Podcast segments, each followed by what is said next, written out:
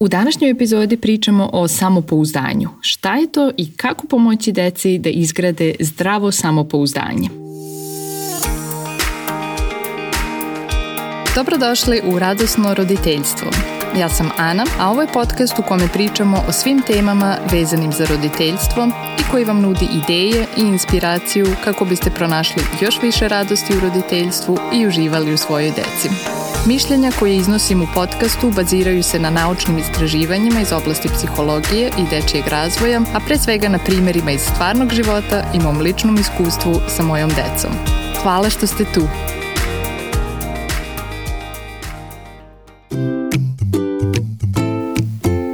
Je važna tema za nas roditelji. Znamo da nisko samopouzdanje može uticati na pojavu različitih psihičkih problema, kao na primjer poremeće u ishrani, anksioznosti, depresije, sklonosti ka zavisnostima. A sa druge strane, čvrsto samopouzdanje se vezuje za uspešne odnose sa okolinom, za razumno preuzimanje rizika, spremnost da isprobamo nešto novo, za optimizam, za rezilijentnost, sposobnost da se uspešno prilagodimo stresnim i izazovnim situacijama. Tako da je samopouzdanje nešto što želimo da razvijemo kod svoje dece.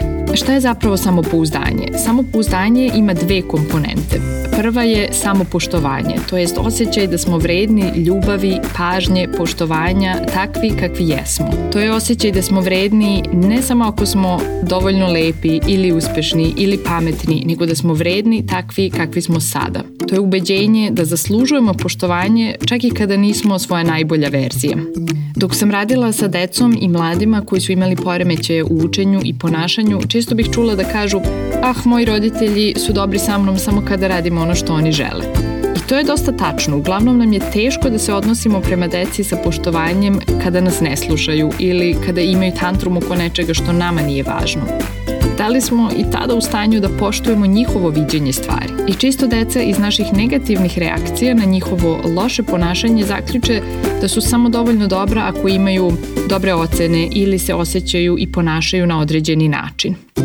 I to je nešto na što treba da obratimo pažnju, jer ako želimo da deca razviju zdravo samopoštovanje, ne želimo da imaju uverenje da su prihvaćeni samo pod određenim uslovima.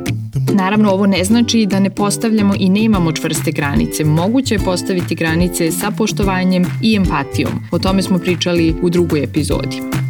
Druga komponenta samopouzdanja je uverenje da smo sposobni, to jest pouzdanje u samog sebe. Verovanje da imamo potrebne veštine i sposobnosti da se nosimo čak i sa izazovnim situacijama.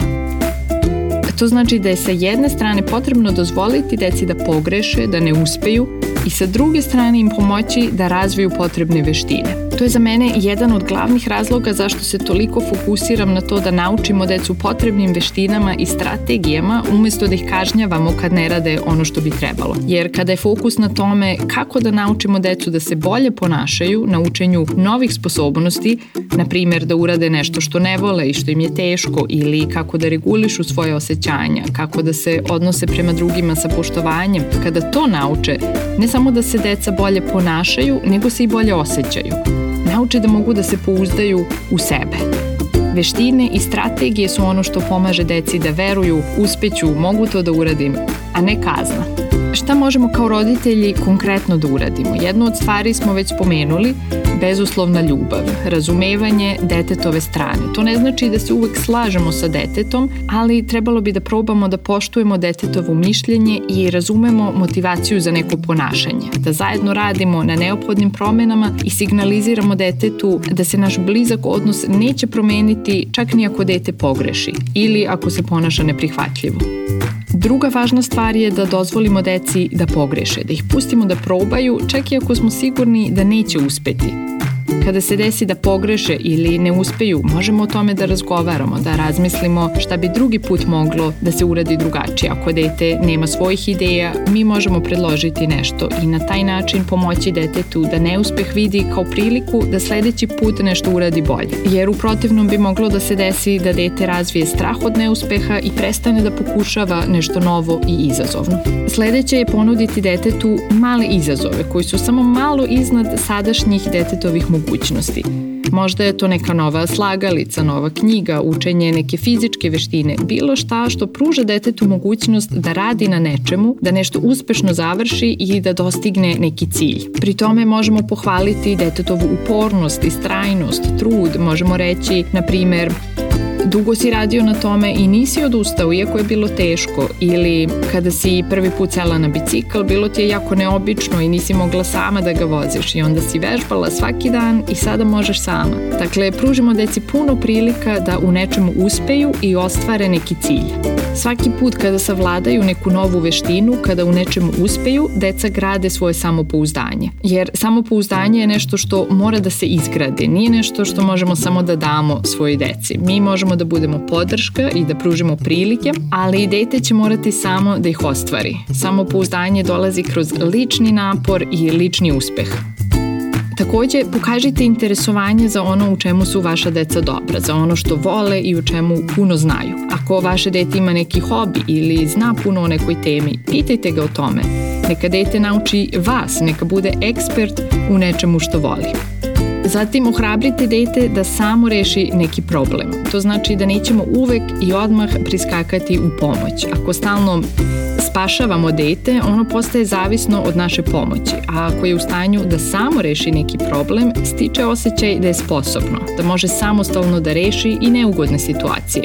Naravno, pri tome možemo detetu biti podrška, možemo pitati dete šta ćeš sada, kako ćeš to da rešiš i podstaknuti ga na rešavanje problema.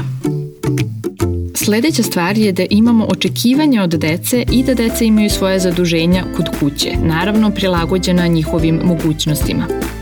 To deci sa jedne strane pruža osjećaj da su uspešno obavili neki zadatak, a sa druge strane im daje osjećaj da su važan deo porodice i da je njihov doprinos veoma bitan.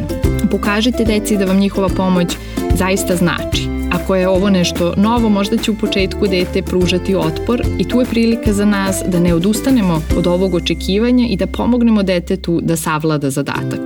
Umesto da kaznimo dete zato što nešto ne može, pitajmo dete kako je to za njega kada mora da uradi nešto što mu se ne radi. I onda radimo zajedno sa detetom na tome da nađemo korisne strategije koje će mu pomoći da prevaziđe dosadu i neugodnost nekog zadatka budimo na strani svog deteta umesto da smo protiv njega. Radimo zajedno na pronalasku najboljeg rešenja.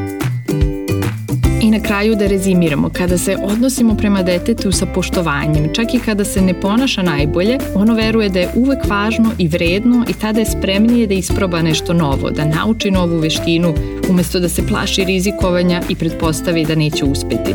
I kada dete malo poguramo ka sledećem mogućem izazovu uz našu podršku, ono počinje da veruje u sebe i spremnije je da zakorači u nove izazove bez straha.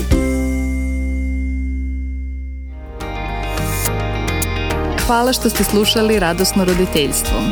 Ako imate neko pitanje, predlog ili samo želite da mi se javite, pošaljite mi e-mail na adresu podcast.radosnoroditeljstvo.com ili popunite kontakt formular na web stranici radosnoroditeljstvo.com. Čujemo se za dve nedelje.